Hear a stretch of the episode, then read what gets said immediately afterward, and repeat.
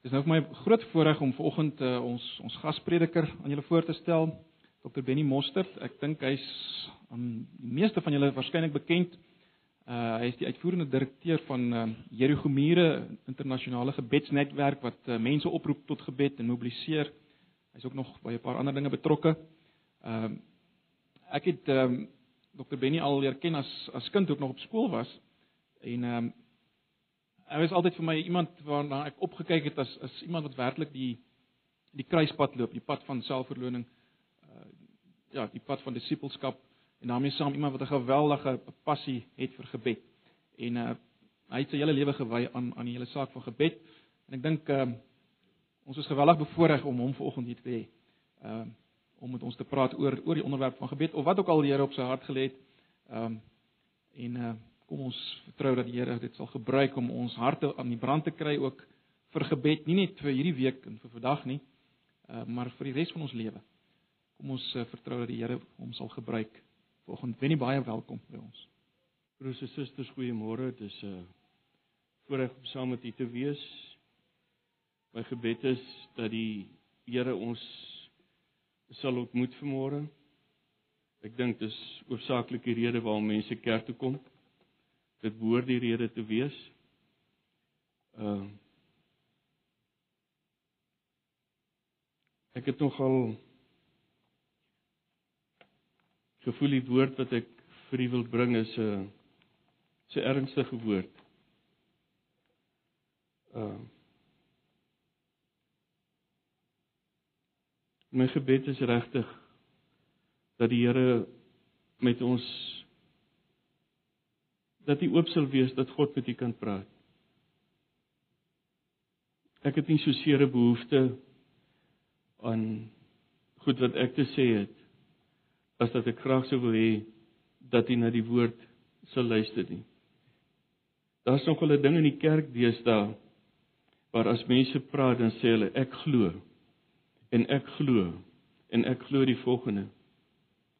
En weet jy Ek is persoonlik min beïndruk oor wat mense glo. Ek dink ons moet beïndruk wees met uh na wat God sê ons moet glo en wat ons moet doen. Nie so seer wat hierdie een of daai persoon sê ek glo dit en ek glo dat nie. Ons het vandag die sosiale media en ons het internet en ons het e-posse en ons het Twitter en 'n horde ander goeters en elkeen het ietsie te sê. Die vraag is egter wat sê God? Hemelse Vader, as ons vanmôre na U toe kom, dis ons behoefte dat U met ons sal praat uit die woord uit.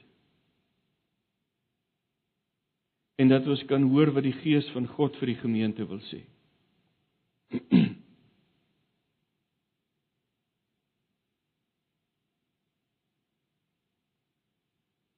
Here, maak ons ore oop asseblief en ons kies om ook te wees om te hoor wat dit is wat U wil sê.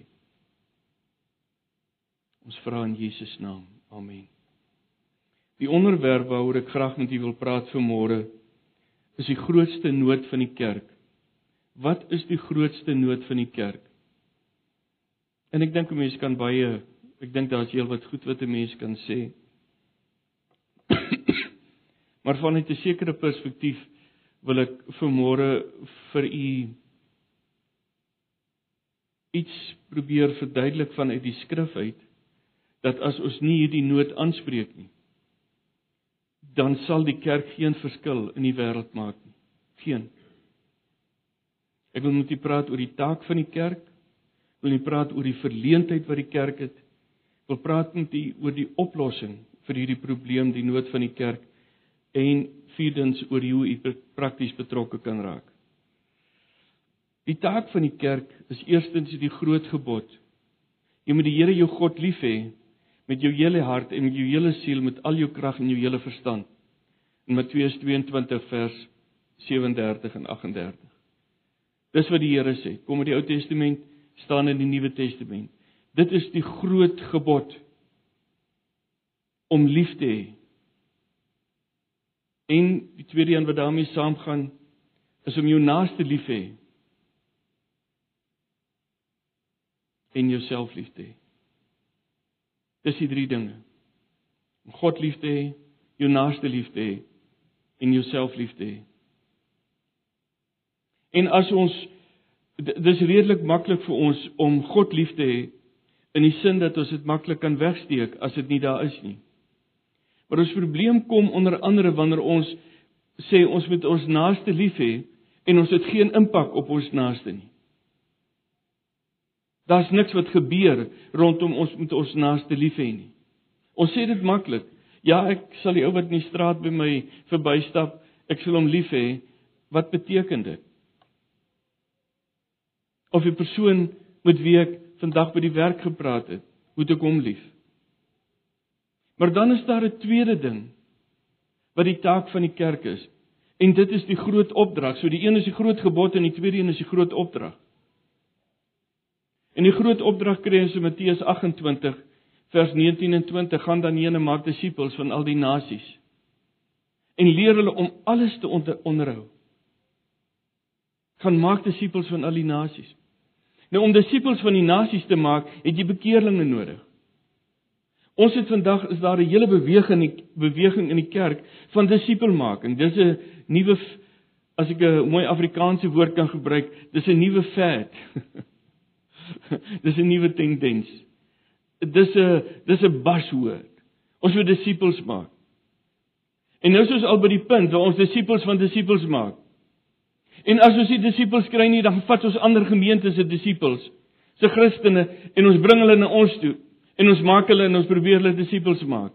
En as hulle dit nie meer hou hou van die liedere wat ons sing nie of uh, dit of dat, dan loop hulle na ander gemeente toe. En dan probeer die ouens hulle daar disippels maak en dan is hulle daar ontevrede.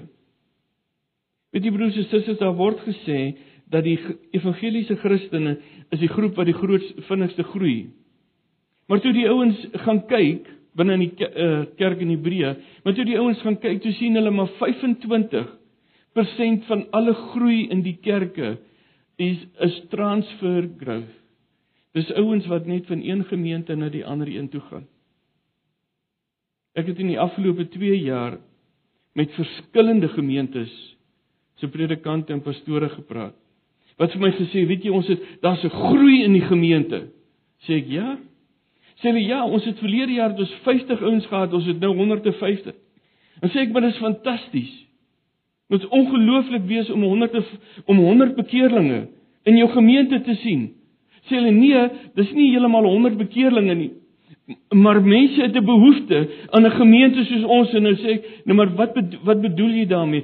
Sê vir my hoeveel bekeerlinge het julle? Hy sê ja, maar maar, maar daar's 'n ou wat tot bekering gekom het en uh o ja, en daai ou en sy vrou het ook tot bekering gekom en ek sê dis uh, dis 3 uit 97 uit wat is die ander?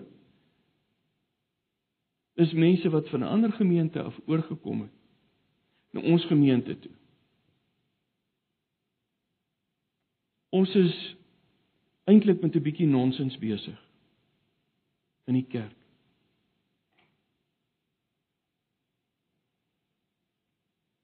Dis die taak van die kerk. Maar die kerk is in 'n verleentheid. Broers en susters, die kerk is in 'n verleentheid. Die wêreld het nie agting vir die kerk nie. Want die kerk sê 'n klomp goed, Maar dit is nie waar nie. Hulle sê julle sê dit, maar waar is dit? Waar gebeur dit? Daar's bitterheid en verdeeldheid in die kerk.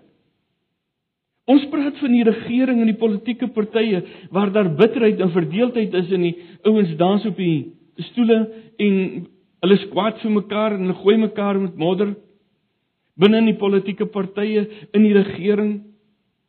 Ons sê die regering is lui, hulle doen nie hulle werk nie. Die kerk doen die kerk sy werk? Is die kerk nie ook lui nie? Ons sê hulle steel, die regering steel geld. Steel ons nie in die kerk geld nie? Broers en susters, om 21000 rand in te kry. Dis nie reg nie. Julle moes dit lankal gehad het. Sorry Johannes nie vir my teegee na die tyd nie. Ons moet die armes versorg. doen ons dit. Ons sê mense is onbekwaam om hulle te werk in te doen in die regering en ons in die kerk is ons bekwaam.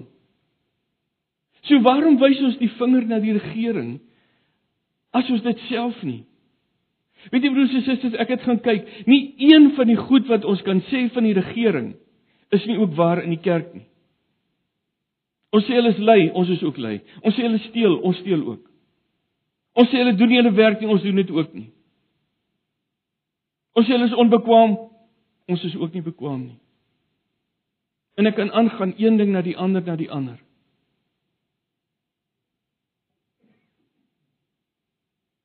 Daar is nie bekerings in die kerk nie. My broer en suster, as daar nie bekerings in die kerk is nie, dan is so 'n gemeente 'n verleentheid in die koninkryk. Is 'n verleentheid. 'n Goeie Afrikaanse woord daarvoor, iets in embarrassment. Ons kan nie hierdie pad loop nie. En as as daar nie bekerings is nie, is daar 'n rede voor.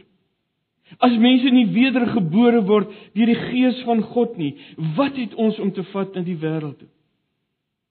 Dis ons boodskap. Ons boodskap is dat mense nuut gemaak sal word. Nie 'n bietjie window dressing. Hier's 'n paar riglyne oor hoe jy jou huwelik beter kan maak en hier's 'n paar riglyne oor verslanking en dan probeer ons 'n paar tekste daar bysit en dan hier is 'n paar riglyne oor hoe jy oor vergifnis om ander mense te vergewe om of uit depressie uit te kom. Die koninkryk van God is oneindig meer as dit.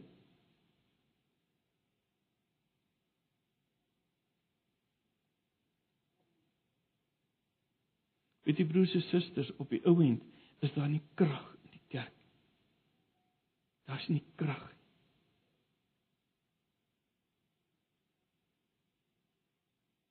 Hoe weet 'n mens wanneer pap koud is? Enige iemand? Hoe weet 'n mens wanneer mieliepap koud is? Die vlee loop daarop. Maar as die mieliepap warm is, dan loop daar nie vlee op die pap nie.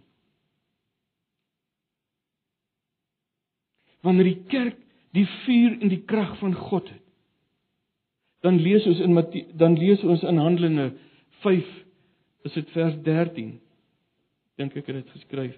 Handelinge 5 vers 13 dan staan daar daar was mense wat bevrees was. Hulle was hulle hulle daar was vrees in mense om by die kerk aan te sluit want hulle het die krag van God gesien. Hoekom? Omdat hulle gesien het toe Ananias en Safira vir God kom lieg het het hulle dood neergeval Maar ons leef in 'n plek waar daar geen vrees van God is nie. Jy kan met die jy kan met God spot. Moet dit net nie try met Mohammed nie. Op hierdie stadium is dit nie so 'n goeie ding om met, met Mohammed prentjies te teken om hom te spot nie. Maar met die kerk, die ouens daar buite het 'n field day met die kerk. Daar's geen vrees nie. Ons maak so min vordering met die insameling van die oes na die nasies toe. Ja, daar gebeur goed en ek sal 'n klein bietjie later vir u iets sê daarvan. Maar ons sê die as die kerk in die krag van God beweeg, hoekom is dit dat na 2000 jaar daar nog steeds 6000 groepe mense is wat basies nie die evangelie gehoor het nie. Weet jy dat dat in die 70% van alle moslems het nog nooit kontak met 'n enkele Christen gehad nie. Meer as 70%.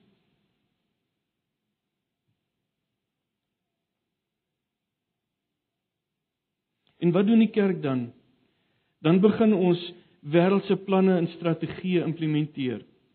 Hoor nou die dag van 'n groot gemeente wat vir hulle 'n CEO aangestel het. 'n Chief Executive Officer. Dis nie 'n Bybelse beginsel nie. En vir hierdie deel van die gemeente se werk gebruik hulle die Absa model. En vir hierdie deel van 'n gemeente se werk, van hulle gemeente se werk, gebruik hulle die Sandla model. Het God nie modelle nie? Het God nie is daar nie in die skrif van uit die skrif vir ons iets om te leer hoe die kerk sy werk op 'n kerklike wyse moet doen nie? Die manier waarop ons met met fondse omgaan. Een van die heel beste maniere waarop ek dink 'n kerk met fondse kan omgaan, dat as hulle by die 1 Desember kom, die 31ste Desember, moet daar niks geld in die bank wees nie sodat hulle in die 1 Januarie God kan vertrou om geld te gee in die geloof uit te stap om die werk van God te doen.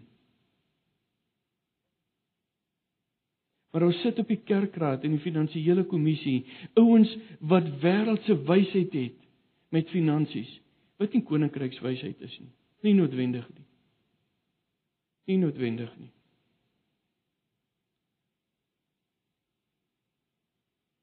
Ons sing liedere. Ons sing oor die beloftes van God. Ons sing oor die krag van God, ons sing oor die heerlikheid van God. Maar is dit by ons?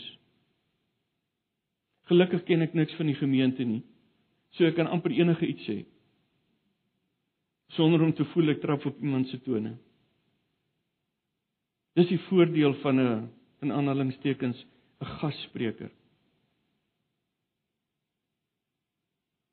En ek oordeel niemand nie. Maar ek sien dit dat ons sin, maar dis nie die waarheid nie. Wat is die oplossing? Die kerk het die krag van God nodig. As die kerk nie die krag van God het nie, kan daar nie bekerings wees nie. Kan hy nie die armes versorg nie. Kan hy nie sy naaste lief hê nie. Kan ons nie die opdrag uitvoer om die evangelie na die eindes van die aarde toe te vat nie. Dis die primêre take van die kerk. En dan kan ons dit nie doen nie indien daar nie krag is nie. Dis soos om 'n motor te hê, alles is reg tot die bande is gepomp. Maar daar is nie petrol in. hoor ek gelede van 'n is eintlik al amper 20 jaar terug van 'n man wat na 'n sendingorganisasie toe gekom het. Toe gee hy vir hulle 'n kombi met 3 wiele sonder 'n engine in. En 'n paar maande, 6 maande of wat later, toe vra hy vir hulle, "Wat het van die kombi geword?" Toe wil hy hierdie sendingorganisasie moes hom reggemaak het en baie dankbaar gewees het en met hom ry want hy hierdie hy het hierdie magtige ding gedoen om vir die sending 'n kommie te gee met drie wiele sonder 'n engine. Genade broers en susters. Is die nasies, is die redding van mense so min werd dat ons ou kombies vir hulle moet gee?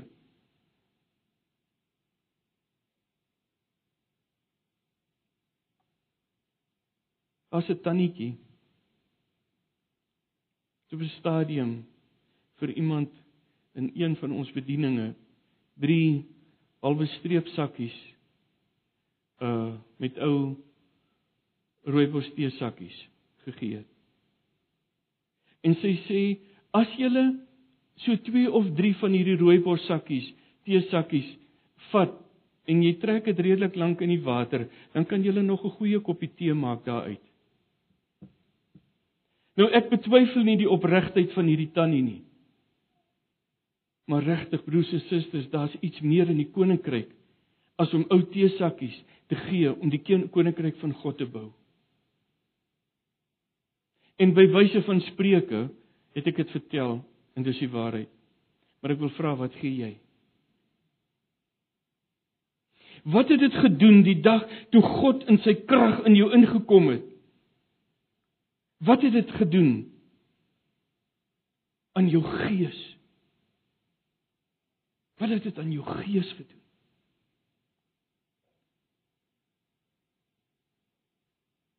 Dit is net die Heilige Gees wanneer hy in sy krag werk wat die krag van God in die kerk bring. In 1 Korintiërs 1 vers 24 staan daar Jesus is die krag van God. na die mate wat Jesus my lewe beheer en in my woon en ek beklee is met Jesus, het ek die krag van God. Is daar krag in my? Want Jesus is die krag van God. Nou is die vraag kan mense Jesus sien? Daar waar ek beweeg, kan hulle hom sien? In 2 Korintiërs 2 in 1 Korintiërs 2 vers 14 staan daar: Die boodskap wat ek verkondig, het julle oortuig, maar nie deur geleerdheid of welsprekendheid nie, maar deur die kragtige werking van die Heilige Gees.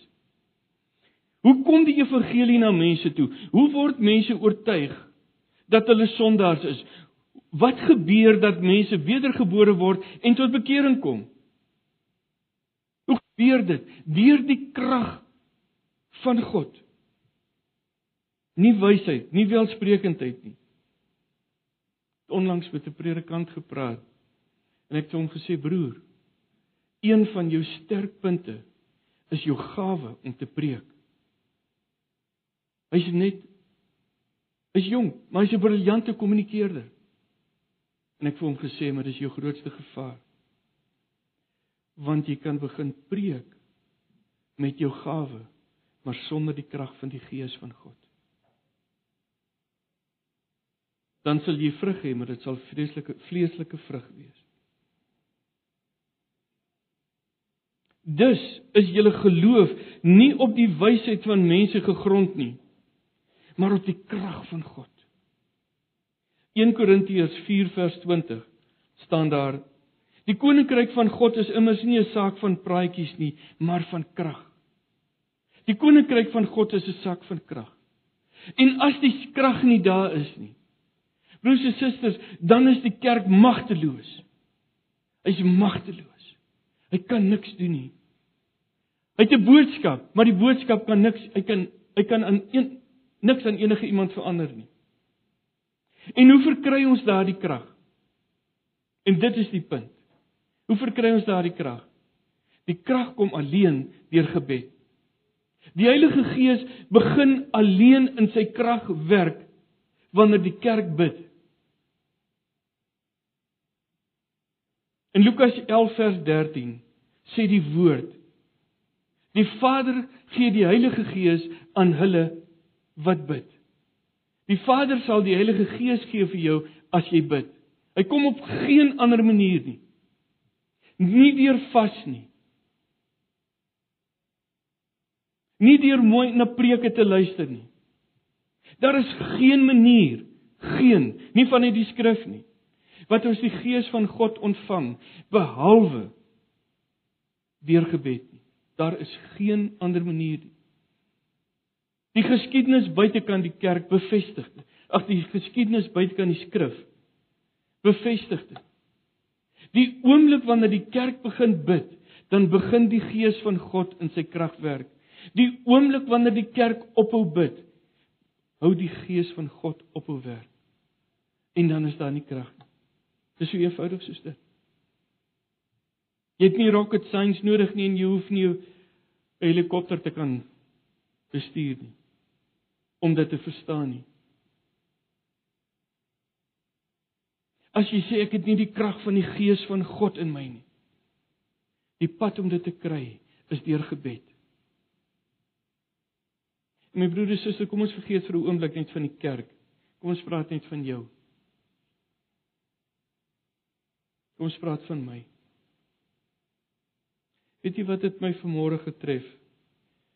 En ek is nie eers lus om dit vir julle te sê nie. Ons wil duiwels uitdryf. En ons wil die siekes gesond maak en ons wil hê dat mense tot bekering moet kom. Maar ons kry dit nie eers reg om nie kwaad te word as 'n taxi bietjie op 'n verkeerde plek stop nie. En dan praat ons in 'n taal wat 'n mens nie behoort te praat nie.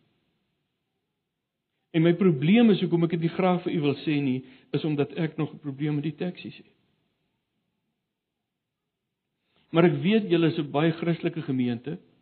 Dit sal nie vir julle die waarheid wees nie. Ons wil duiwels uitdryf, maar ons kan nie by 'n taxi wat snaakse spontane bewegings in die pad maak. Ons kan nie eers by hulle verbygaan. Ek hoor nou die dag van 'n ou. As hy kwaad word, sê hulle vir my, as hy nou bestuur en hy word kwaad, dan maak hy maak hy sy handjie net so. Raas kry hy maak net so. Dan gaan hy net aan. Ek is nog nie daar nie.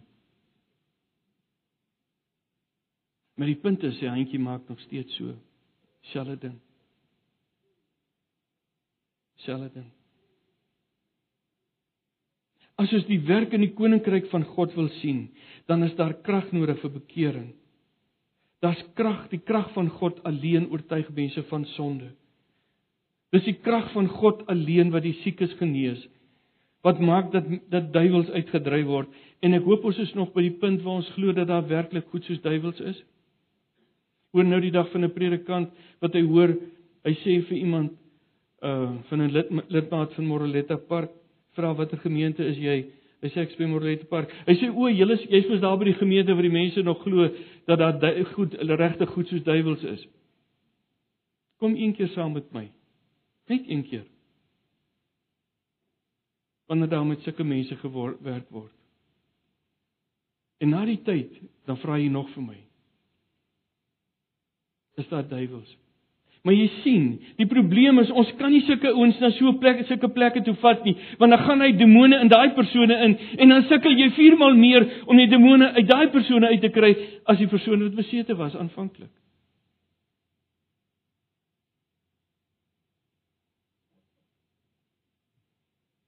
Ons kan nie 'n oorwinning oor sonde lewe as ons nie die Heilige Gees het en God nie in sy krag in ons werk nie. Dis nie moontlik om regtig te vergewe as God dit doen nie, nie doen nie. Ons kan nie heilig lewe as die krag van die Gees van God nie in ons is. As heilig lewe as God nie in sy krag in ons werk nie. Ons kan nie die nasies bereik nie sonder die krag van die Gees van God nie. Daar is nie 'n oplossing, 'n permanente oplossing vir die armes tensy die kerk in die, in sy krag, in die krag van van die Heilige Gees gaan werk nie. Ons gaan en ons sê, maar ons het verlede jaar het ons 20 mense kos gegee. Hierdie jaar is die plan kom ons vat 2 jaar terug. Verlede 2 jaar terug het ons 20 gegee. Verlede jaar het ons 100 mense kos gegee. Hierdie jaar wil ons 200 mense kos gee. My vraag vra, hierdie 200 mense wat ons wil kos gee, is dit dieselfde mense wat verlede jaar en voorverlede jaar daar was? Hulle behoort nie meer daar te wees nie. Dit moet mense wees wat so vernuwe is deur die Heilige Gees en se lewens verander is dat hulle op pad uit is. Dat hulle nuwe mense word. En ja, dis dis waar. Dis nie so eenvoudig om oor die armes te praat nie. Dis 'n baie meer komplekse probleem. Maar ek wil tog maar ek wil net die punt maak daaroor. Op die ou end gaan dit nie oor hoeveel armes ons kan bedien nie, maar hoeveel of die getalle kan minder word wanneer na mate wat die mense gesond word. En mag ek dit tog net in aanhaling seker, aanhalingstekens sê. Net in hakkies, in hakkies sê. Mense wat arm is vir die grootste gedeelte van da, van hulle is nie dom of lui nie. Sal ons dit net vanmôre hoor? Arme mense is nie noodwendig dom of lui nie. Daar's baie ander faktore wat maak dat mense arm is. Ek het arme mense geken wat so diep in armoede gelê het dat hulle dat daar nie geen manier is hoe hulle kan uitkom nie, ongeag hoe hard hulle werk. Ongeag hoe slim hulle werk. As jy R5 'n dag kry, dan kan jy so slim wees net soos jy wil. Jy kan nie daai armoede uitkom nie. Tensy iets bonatuurliks gebeur en God op 'n ander manier kom. Kan ek dit weer sê? Wat is die oplossing vir die uitvoering van die opdrag van God? Wat is die oplossing vir die kerk om uit sy verleentheid te kom? Van die magteloosheid van die kerk wat nie sy opdrag uitvoer nie is die krag van God wat in die kerk moet terugkom My broer en suster, as die krag van God vandag in gemeentes in hierdie stad uitbreek, as God in sy krag inbreek in gemeentes. Ek praat in sy goddelike krag. Is hier nie genoeg gemeentes en kerkgeboue om die mense wat sal wil kom te kan hanteer nie. Nie een gemeente en ek praat vir hulle almal. Al die kerkgeboue.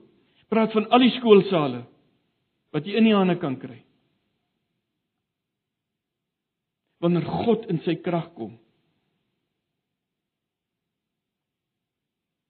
Die Here Jesus het gekom en hy het gesê uit uit uit Jesaja 56 vers 7 bevestig waarin Jesaja 56 vers 7 sê sê die Here my huis sal 'n huis van gebed wees waar die nasies vreugde sal vind. Sy huis van vreugde. En die Here Jesus kom in Matteus 21 vers 13 en hy sê my huis is 'n huis die huis van my Vader is 'n huis van gebed. Hy sê nie dis 'n huis van aanbidding nie. Hy sê nie dis 'n huis van evangelisasie nie. Hy sê dis 'n huis van gebed. Maar ons het dit verander. Russe susters, ons het ek was in kerkraadsvergaderings waar mense as hulle stokke gehad het, het hulle mekaar geslaan daarmee. Om te praat oor of ons Bybels in die voorportaal of koekies en koeksusters in die voorportaal kan verkoop voor en na diens. En weet jy dit nie daaroor gegaan nie. Kerke het het gebreek. En een kan daai vir hulle dominee gekry en daai ons gaan oor waar verkoop jy die koekies? En weet jy toe nooit oor die koekies gegaan nie. Dit het gegaan daaroor of die kerk 'n huis van gebed gewees het. Toe die ouens uiteindelik 'n plek gekry waar hulle die koekies kan verkoop, maar die kerk het nog steeds nie 'n huis van gebed geword nie. En ek hoop daar is vanmôre koekies. Regtig. Jakobus 4 vers 2 en 3 sê: "Julle het nie omdat julle nie bid nie. Waarom is die krag van God nie daar nie? Ons het nie omdat ons nie bid nie." Jesaja 59 vers 16, as jy vers Jesaja 59 van vers 1 tot vers 15 lees, dan lees jy van 'n volk wat in diep sonde lê. Net so sondig soos soos hierdie land op die oomblik. En ek weet nie watter ene van die prys nie. En dan sê God in vers 16 en hy was verbaas dat daar niemand was wat ingetree het nie, tussen beide getree het nie. In Afrikaans beteken dit hy het nie iemand gekry wat gebid het nie. In Jesaja 64 vers 7 staan daar dat God sê hy was verbaas dat niemand hom vasgegryp het nie en gesê het Here moet dit nie doen nie, moenie die oordeel bring nie. In Lukas 18 vers 7 staan daar As ons dag en nag bid, sal God regmaak wat verkeerd is. Oorgeset synde soos die ouens soos my ouers nog gepraat het. En die ouens wat so oud soos ek en ouer is. Omgekeerd beteken as ons nie dag en nag bid nie, sal God nie regmaak wat verkeerd is nie. In Jesaja 62 vers 6 en 7 staan daar Wanneer jy dag en nag bid, sal die vrede van Jerusalem kom. Sal God vrede gee. Maar dan moet ons dag en nag bid. En dan sê hy daar, ek het julle as wagters op die mure gestel, sê die Here, om dag en nag te bid, te bid. En dan sê hy daarby en hy sê dit twee keer. Julle wat die Here aan sy beloftes moet herinner, moenie my met rus laat nie. En dan sê hy dit weer, moenie my met rus laat nie roep tot my totdat ek julle antwoord. In 1 Tessalonisense 5 vers Tessalonisense 5 vers 17 staan daar bid sonder ophou. 2 1 Timoteus 2 vers 1 tot 4 dan sê hy bid vir die regering. En dan gaan hy aan te sê sodat jy 'n rustige stil lewe kan lei. Hy sê wanneer ons bid, sal die situasie in die land verander sodat daar vrede sal kom in 'n land. In Markus 14 vers 38 sê hy: "Waak en bid dat julle nie in die versoeking kom nie." God is ernstig oor hierdie gebedstorie. Kan ek dit sê broers en susters? Daar bestaan nie iets soos 'n klein klompie mense in 'n gemeente wat die intercessors is nie. Daar bestaan nie iets soos 'n ding in 'n gemeente waar daar 'n uitgesoek net 'n klein groepie mense is wat die voorbidders is nie. Jammer hierdie mense het die gawe van voorbidding. Ek het hierdie boek 'n paar keer deurgelees. Ek lees nêrens van 'n gawe van voorbidding. Nie op enige plek lees ek dit in die skrif nie. Ek lees van 'n verskeidenheid van ander gawes, maar ek lees nie van die gawe van intersessie nie. Vir wie is die wie is verantwoordelik vir gebed? Almal. As Jakobus die mense oproep om vanaand of môre aand of die week te kom om saam te bid, wie roep hy op? Die voorbidders. Hy roep die mense, hy roep die hele gemeente op. As hy sê ek wil vra dat die intercessors vanaand sal kom om te bid, wie met wie praat hy? Hy praat met almal van julle. Hy sê almal moet kom.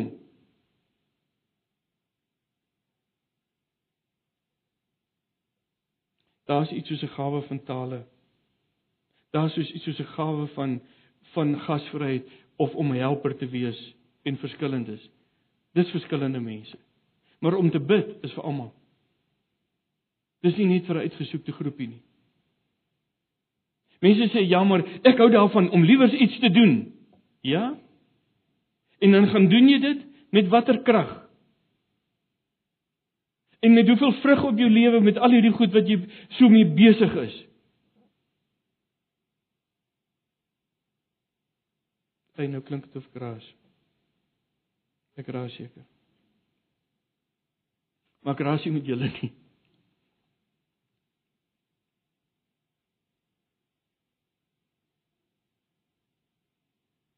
Kyk na die plek van gebed in die Here Jesus se lewe. Die Here Jesus het 'n aardse bediening van 3 jaar gehad. En toe het hy opgevaar na die hemel en staan daar in Romeine 8 vers 34 waar hy sit aan die regterhand van die Vader en hy pleit vir ons. Dag en nag pleit hy vir ons. Ons lees eintlik niks van wat die Here Jesus op die oomblik in die hemel besig is om te doen behalwe hierdie een ding en dit is dat hy dat hy besig is om by die Vader te pleit vir ons nie. Ons lees in Hebreërs 7 vers 25. Hy lewe vir altyd om vir hulle by God in te tree. Wat doen die Here Jesus vir die afgelope 1200 vir, vir amper 2000 jaar? Hy pleit vir ons by God. Hebreërs 9 vers 25. Hy verskyn voor God ter wille van ons. Hy het 'n 3 jaar bediening op aarde gehad. Maar vir 2000 jaar bid hy reeds. Die broers en susters, erns moet ons iets verstaan daarvan. Anders stagneer die kerk, anders gaan hy dood. En andersins begin ons om vir onsself redes uit te dink oor hoekom die kerk nie groei nie. Ons sê vir onsself anderlike dinge. Ja, maar weet jy, ons gemeente het eintlik in die in die liggaam van Christus, het ons eintlik is dit ons roeping. Ons is nie so geïnteresseerd om 'n groot gemeente te wees nie. Hoekom nie? Sê net vir my hoekom nie? Stel ons nie belang in die miljoene mense letterlik meer as 2.5 3 miljoen mense wat in Swanie woon wat die Here Jesus nie ken nie, die meeste van hulle. So ons bly maar 'n groot klein gemeentetjie. Ons is 50 ouens of ons is 100 of ons is 500. Daar aan die ander kant op die beeld waar ek kom staan ook 'n klein gemeentetjie wil dit miskien 10000, 11 of 12000 lidmate.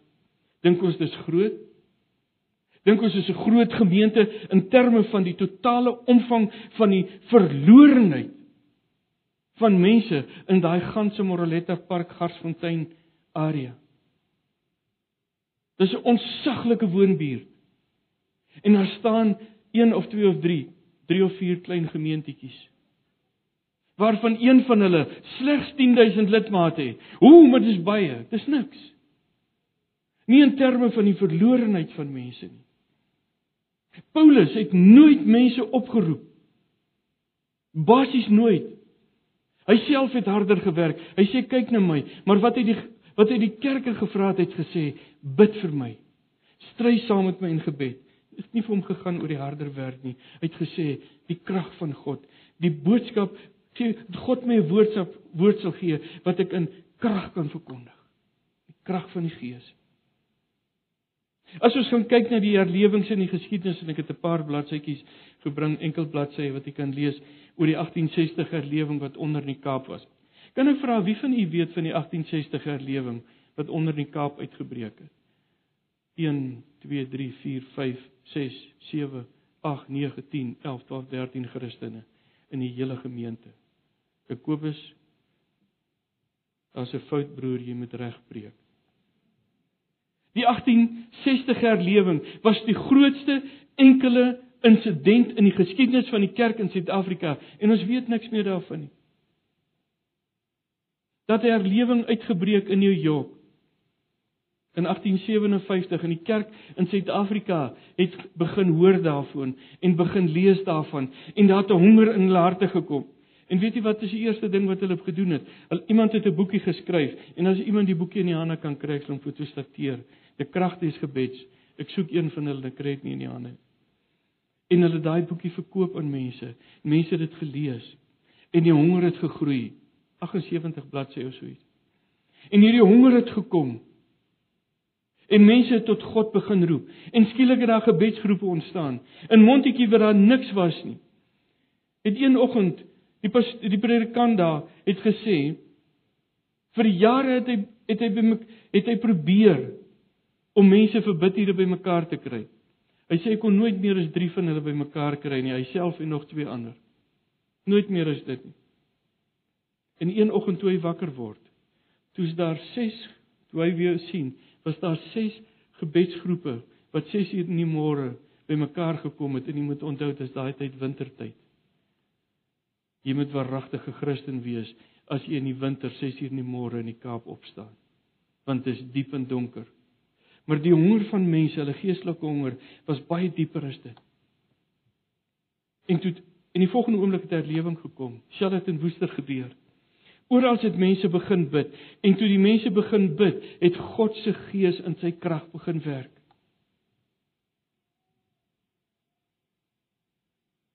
Herlewings In al die studies wat oor erlewings gedoen is, is daar nie een erlewing wat ooit uitgebreek het sonder dat dit vooraf gegaan is deur gebed nie. Nie een enkele een nie.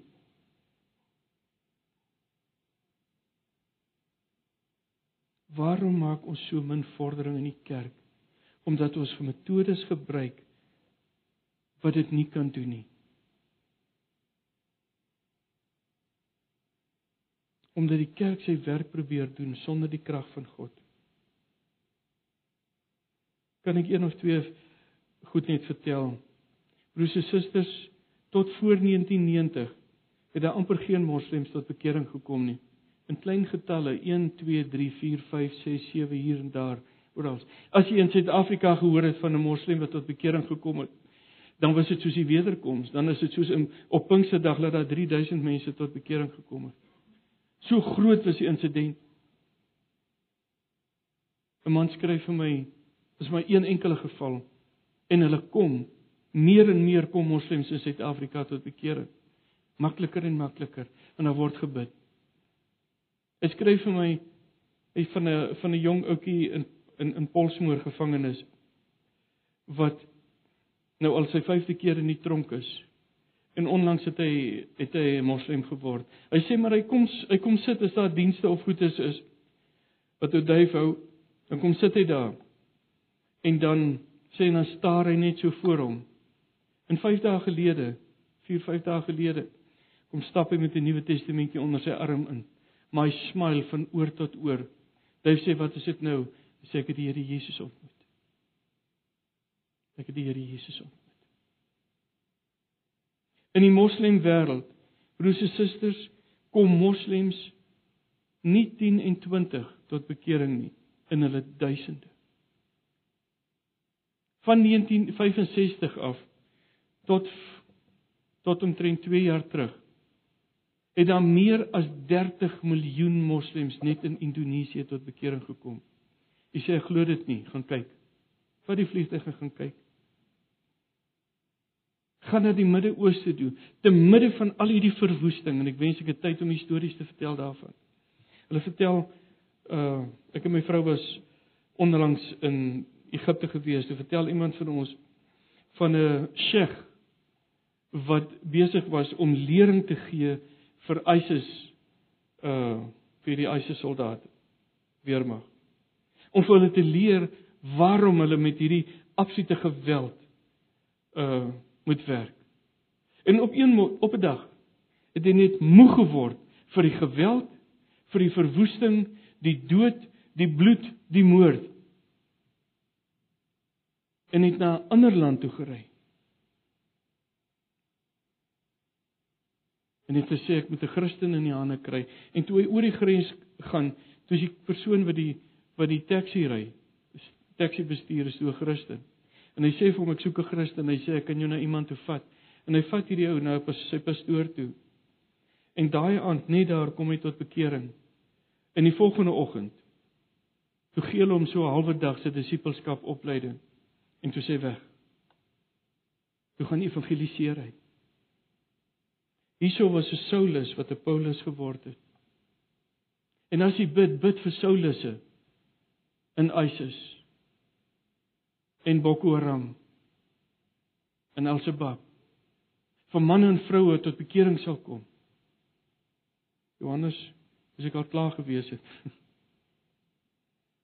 Ek het so behoefte om vir u te vertel, ek kan ek kan 4 ure lank sonder om asem te skep kan ek julle vertel van wat God in die moslim wêreld doen. Maar ek wil julle vertel wat in 979 in Egipte gebeur het. Daar was 'n 'n kalif leier van groot kalifaat gehad. Was 'n kalif. Ek kan nie sy naam uitspreek nie. Ek gaan ook nie probeer nie. Ek gaan dit nie memoriseer nie. Maar hy was hy was 'n harde taskmaster oor die Christene. Hy het van hulle doodgemaak geweldige verdrukking van Christene. Maar hy drie ouens gehad, 'n moslim, filosoof, 'n Christen en 'n Jood wat hy altyd geroep het en met hulle teologiese ges of gesprekke gehad het.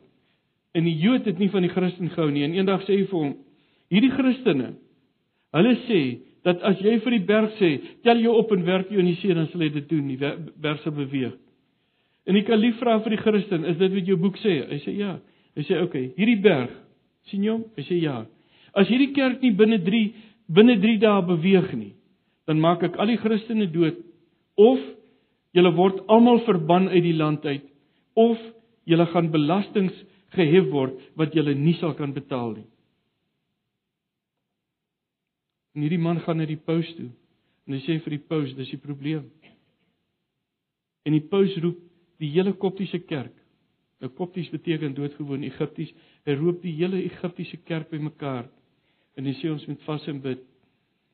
En op die derde dag net toe die son wil sak, toe's daar sê die paus ek kan nie bid nie. Ek soek iemand om te bid. En daar's 'n man gewees met die naam van Simon die leerlooier. Maar wat het hulle gebid in daai 3 dae? Hulle het nie met baie woorde gebid nie. Hulle het net hierdie een sin gebid. En daar's 'n lied. Ek wens ek kan weer die lied kry, 'n nuwe lied wat hulle geskryf het met hierdie woorde. Kyrie eleison. Lord have mercy. Here wees genadig. Here wees genadig. Vir 3 dae lank is dit al wat hulle gebid het. Kyrie eleison. Here wees genadig.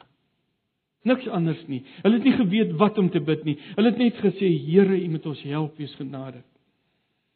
En daai aand, die derde aand, die son net so wil sak. Toe sê Simon die leerlooier vir die berg, en dis 'n groot berg. Tel jou op, skuif. En die berg het beweeg, drink 2 km. Jy sê ek glo dit nie. Ek sê vir jou drie bewyse gee daarvoor. Een, dit staan in die koptiese geskrifte neergeskrywe. Tweedens, dit jy kan gaan kyk, dit staan in die geskrifte van die moslems opgeteken. En derdens kan jy geologiese ondersoeke gaan doen op die berg. Die berg waar hy vandag staan en sy fondasie, die geologiese struktuur pas nie by mekaar nie. Maar as jy daai selfde berg vat en skuif hom 2 km weg en jy sit hom neer, dan pas die geologiese strukture by mekaar. Dit het gebeur. In 1981 weet ek dit nie was dit Sadat het hy gesê binne 20 of 30 jaar sal daar nie meer een Christen in Egipte wees wat nie 'n slaaf of 'n deurwagter sal wees nie. En hy het gesê ek gaan Sharia law in Egipte instel. En die paus het 3 dae vandag en nag gebed uitgeroep. En wat het hulle gebid? Hulle het net hierdie een sin gebid, Kyrie eleison. Here wees genadig. 'n Week na dit is hy dood geskiet. Is hy dood geskiet? Sy selfmoord. Nee, besluitmoord op sy lewe gewees.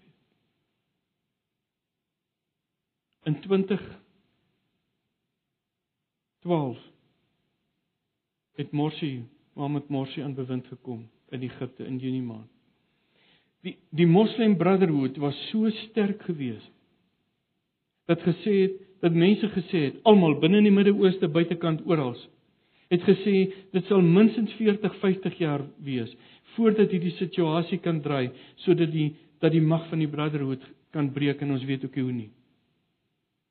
En Morsi het aan bewind gekom en het mense begin doodmaak en hy het korrupte leiers aangestel en die land het begin swaar kry. En 9 maande later in Maart 2013 het die pouse 3 dae van vas en gebed uitgeroep. En wat het hulle gebid? 3 maande later het Morsi se werk het Morsi nie weer bestaan nie. Toe was daar nie 'n miljoen en miljoene en 'n half mense in die strate van Parys nie. Hulle sê in Egipte was daar omtrent 30 miljoen mense wat op die strate uitgekom het en gesê het: "Is genoeg. Dis genoeg." Dit lyk asof dit die grootste demonstrasie ooit in die geskiedenis was. Wat het hulle gebid? Nie met groot wysheid van woorde nie. Hulle het net gesê Here wees genadig. So kan ek vir u sê waar die kerk vorentoe gaan gaan in sy sendingbeweging. So kan ek vir u sê waar die kerk kerkplanting doen. Daar's 'n man in Sierra Leone met die naam van Sedonkie Johnson. Hy's oor die 20 jaar besig om kerke te plant het op hierdie stadium omtrent 1800 kerke geplant. Die meeste van hulle in moslem dorpies waar totale dorpies tot bekering moslem dorpies tot bekering gekom het en kerke geword het. En as jy vir se Donkie Johnson vra, maar wat doen jy? En sê ons bid. Ons het geen strategie nie. Al wat ons doen is ons bid en God werk. Daar's niks anders nie. Ons doen niks anders nie. Ek wil afsluit. Ek wil graag vier goed doen. Maar ek sal dink oor die vierde ene. Ek sal net eers vir Johannes kyk en as hy kwai genoeg lyk, sal ek dit los. Die eerste ding wat ek wil vra is hier so 'n pamfletjie kan na die tyd inkom haal in die name vir sewe ongeredde mense en sewe geredde persone. En ek wil vra of jy nie wil begin om vir die vir sewe ongeredde mense te bid nie. Maar wees versigtig om hulle name sommer vol uit te skrywe. Sit 'n paar hoofletters en goeders neer want net dan kry iemand jou pamflet en dan dan maak dit net moeilikheid. Want baie mense wil nie graag weet hulle is ongered nie. En dan skryf jy die, vir 'n paar Christene, maar hulle name skryf jy sommer vol uit want jy gaan vir hulle bid dat die Here hulle sal seën. En hier's 'n paar skrifgedeeltes wat jy vir hulle kan bid.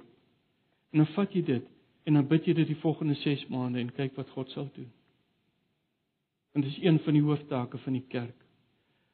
Vat elkeen een en as hy oor is, kan jy nog een vat. Die tweede ding wat ek wil vra is, wil jy nie oorweeg? Wil jy nie daaroor dink om 'n gebedsgroep in die werkplek te gaan begin nie? Daar waar jy werk gaan begin 'n gebedsgroep. 'n Gebedsgroep is twee mense wat begin bid en dan meer wat bykom. My e-posadres is benny@bennymostert.com. As jy inligting soek oor hoe om 'n gebedsgroep te begin in jou werksplek, dan kan jy vir my e-pos stuur na benny@bennymostert.com en ek behoort dit binne 2 of 3 dae vir jou materiaal te stuur wat jy kan gebruik om dit te doen. Die derde ding wat ek vir julle as gemeente wil vra, is of julle nie een land in die Midde-Ooste of in Afrika wil vat om te bid rondom hierdie saak van die geweld en die verwoesting wat deur Islam kom nie. En ek wil 'n paar noem. Die ene is Somalië waar Al-Shabaab is. Die tweede ene is uh Nigerië waar uh in die omgewing maar Nigerië waar Boko Haram is. In dieselfde tyd wat daar 13 of wat is dit 17 mense in Parys dood is. In daai selfde paar dae is daar 2000 mense deur Boko Haram in Nigerië doodgeskiet.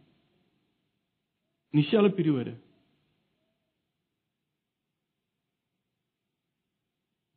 Of Sirië. Sirië 22 miljoen mense. Van die 22 miljoen mense is 'n kwart van hulle lewe nie meer is nie meer in Sirië nie.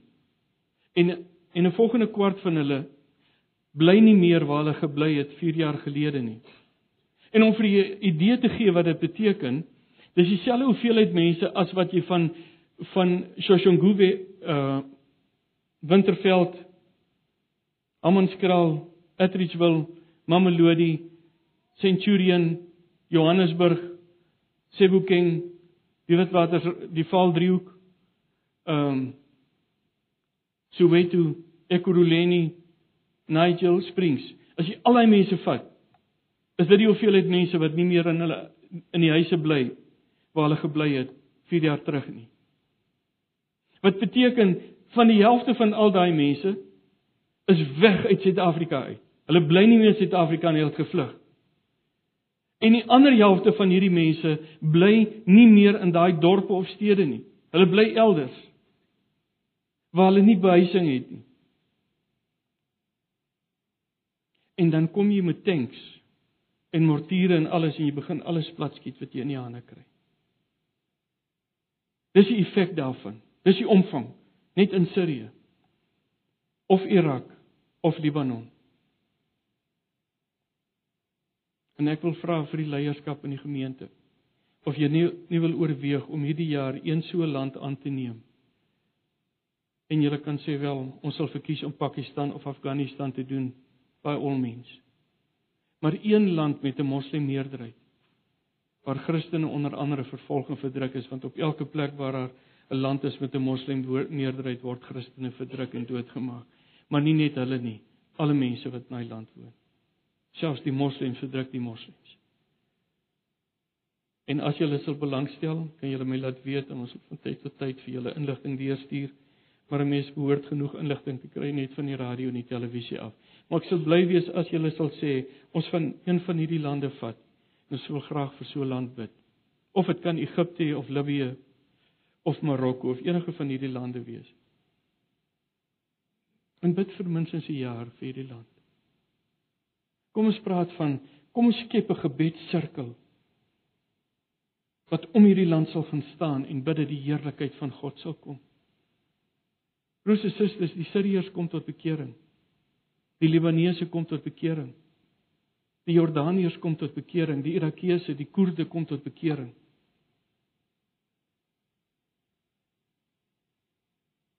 En twee laaste goed. Dan kan ons daai koekies gaan eet. Ek wonder Johannes, ag Jakobus. Sy broer van Johannes. As waar is hierdie broer wat verantwoordelik is vir die reël van die van die kamp? Wat daarvan is julle al die name van die mense wat na die kamp toe kom bring? En julle deel dit net aan die lidmate uit en sê wie sal vyf name kom vat? En jy bid net vir hulle. Nie verbidde nie. Ons bid net vir hulle dat die Here hulle sal seën dat die Here hulle sal ontmoet en hulle hele gesinne. Dan van nou af vir die volgende 8 weke 7 weke en julle gaan volgende week TV hopelik begin as julle wil dan is as hulle daar kom, is daar vir hulle gebid en die gees van God het hulle harte voorberei. Gees van God het hulle harte voorberei. Is iets wat jy kan doen. Saam daarmee dat as jy by die naweek kan kom, dat jy 'n klein gebedskamer oopmaak en jy bid die volle periode van die kamp, bid jy daar. Ek wil vra my liewe broer en suster, hoor hierdie woord vanmôre. Hoor die woord. Daar sien net sommige van ons wat met bid nie. Party van ons gaan op ons eie bid. Party van ons gaan 'n klein gebedsgroepie maak. Party gaan 'n gebedsgroep by die werk begin. Vir party van julle gaan julle dit moontlik vind om van die groter of van die ander gebedsgroepe in die gemeente by te woon. Maar wat whatever julle ook al doen, soek 'n plek om alleen te bid maar ook saam met 'n groep te bid. As jy alleen bly bid, stop jy maklik. Here Jesus, mag ons u woord hoor. Mag u woord diep in ons hart grondvat. Dat die voëls nie sal kom net kom oppik nie. Dat dit nie verstrik sal word deur die bekommernisse van die lewe nie. Maar dat hierdie woord 30 en 60 en 100voudig vrug sal dra in ons harte. In Jesus naam vra ons dit. Amen. Ag nou die genade van ons Here Jesus, die liefde van God en die gemeenskap van sy Heilige Gees by julle almal wees en bly ook vandag die week, die weke wat kom as ons hom gaan vasgryp vir 'n werking en van sy krag vir sy krag in ons midde. Amen.